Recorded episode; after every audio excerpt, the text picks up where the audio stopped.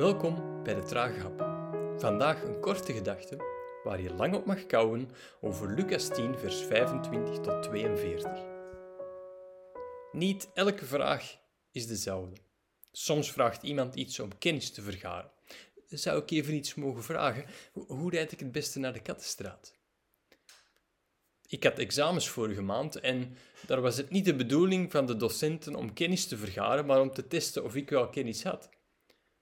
En soms vraagt iemand ook iets om je vast te zetten. Zo komt in dit gedeelte een wetgeleerde bij Jezus met de vraag: Wat moet ik doen om het eeuwig leven te verkrijgen?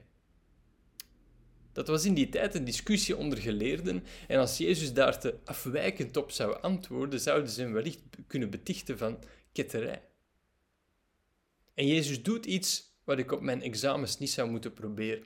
Hij antwoordt met een tegenvraag. Wat staat er in de wet? Wanneer de wetgeleerde antwoordt dat God boven alles lief gehad moet worden en de naaste als zichzelf, vertelt Jezus het verhaal van hoe een priester en een leviet, een beroofde, gewonde man die op de weg ligt, voorbij lopen. En hoe, of all people, een Samaritaan deze mens wel helpt. In een artikeltje op Lazarus.nl wijst een Joodse hoogleraar Nieuwe Testament op iets wat Martin Luther King hierover zei. Hij zei: Ik weet niet waarom ze langs de man liep, maar dit is wat mijn verbeelding me vertelt. De priester en de leviet lopen voorbij, omdat ze tegen zichzelf zeggen: Als ik stop om deze man te helpen, wat zal er dan gebeuren met mij?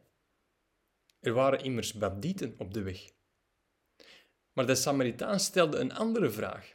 Hij denkt: Als ik niet stop om deze man te helpen, wat zal er dan met hem gebeuren? En King vervolgt: Als ik niet stop om de schoonmakers in Memphis te helpen, wat zal er dan met hen gebeuren?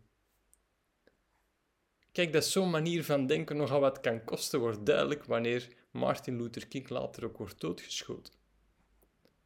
In het Bijbelgedeelte stelt Jezus na zijn verhaal over de Samaritaan de vraag: wie is de naaste geworden van de beroofde man? Met de woorden van Martin Luther King worden we de naaste van iemand als we de vraag stellen: als ik niet stop om te helpen, wat, zal er dan met deze persoon gebeuren? Het is een uitdagende vraag, omdat we natuurlijk ook niet iedereen op de wereld kunnen helpen. Maar misschien wel iemand die je vandaag tegenkomt, online of offline. Kou er maar verder op. Smakelijk.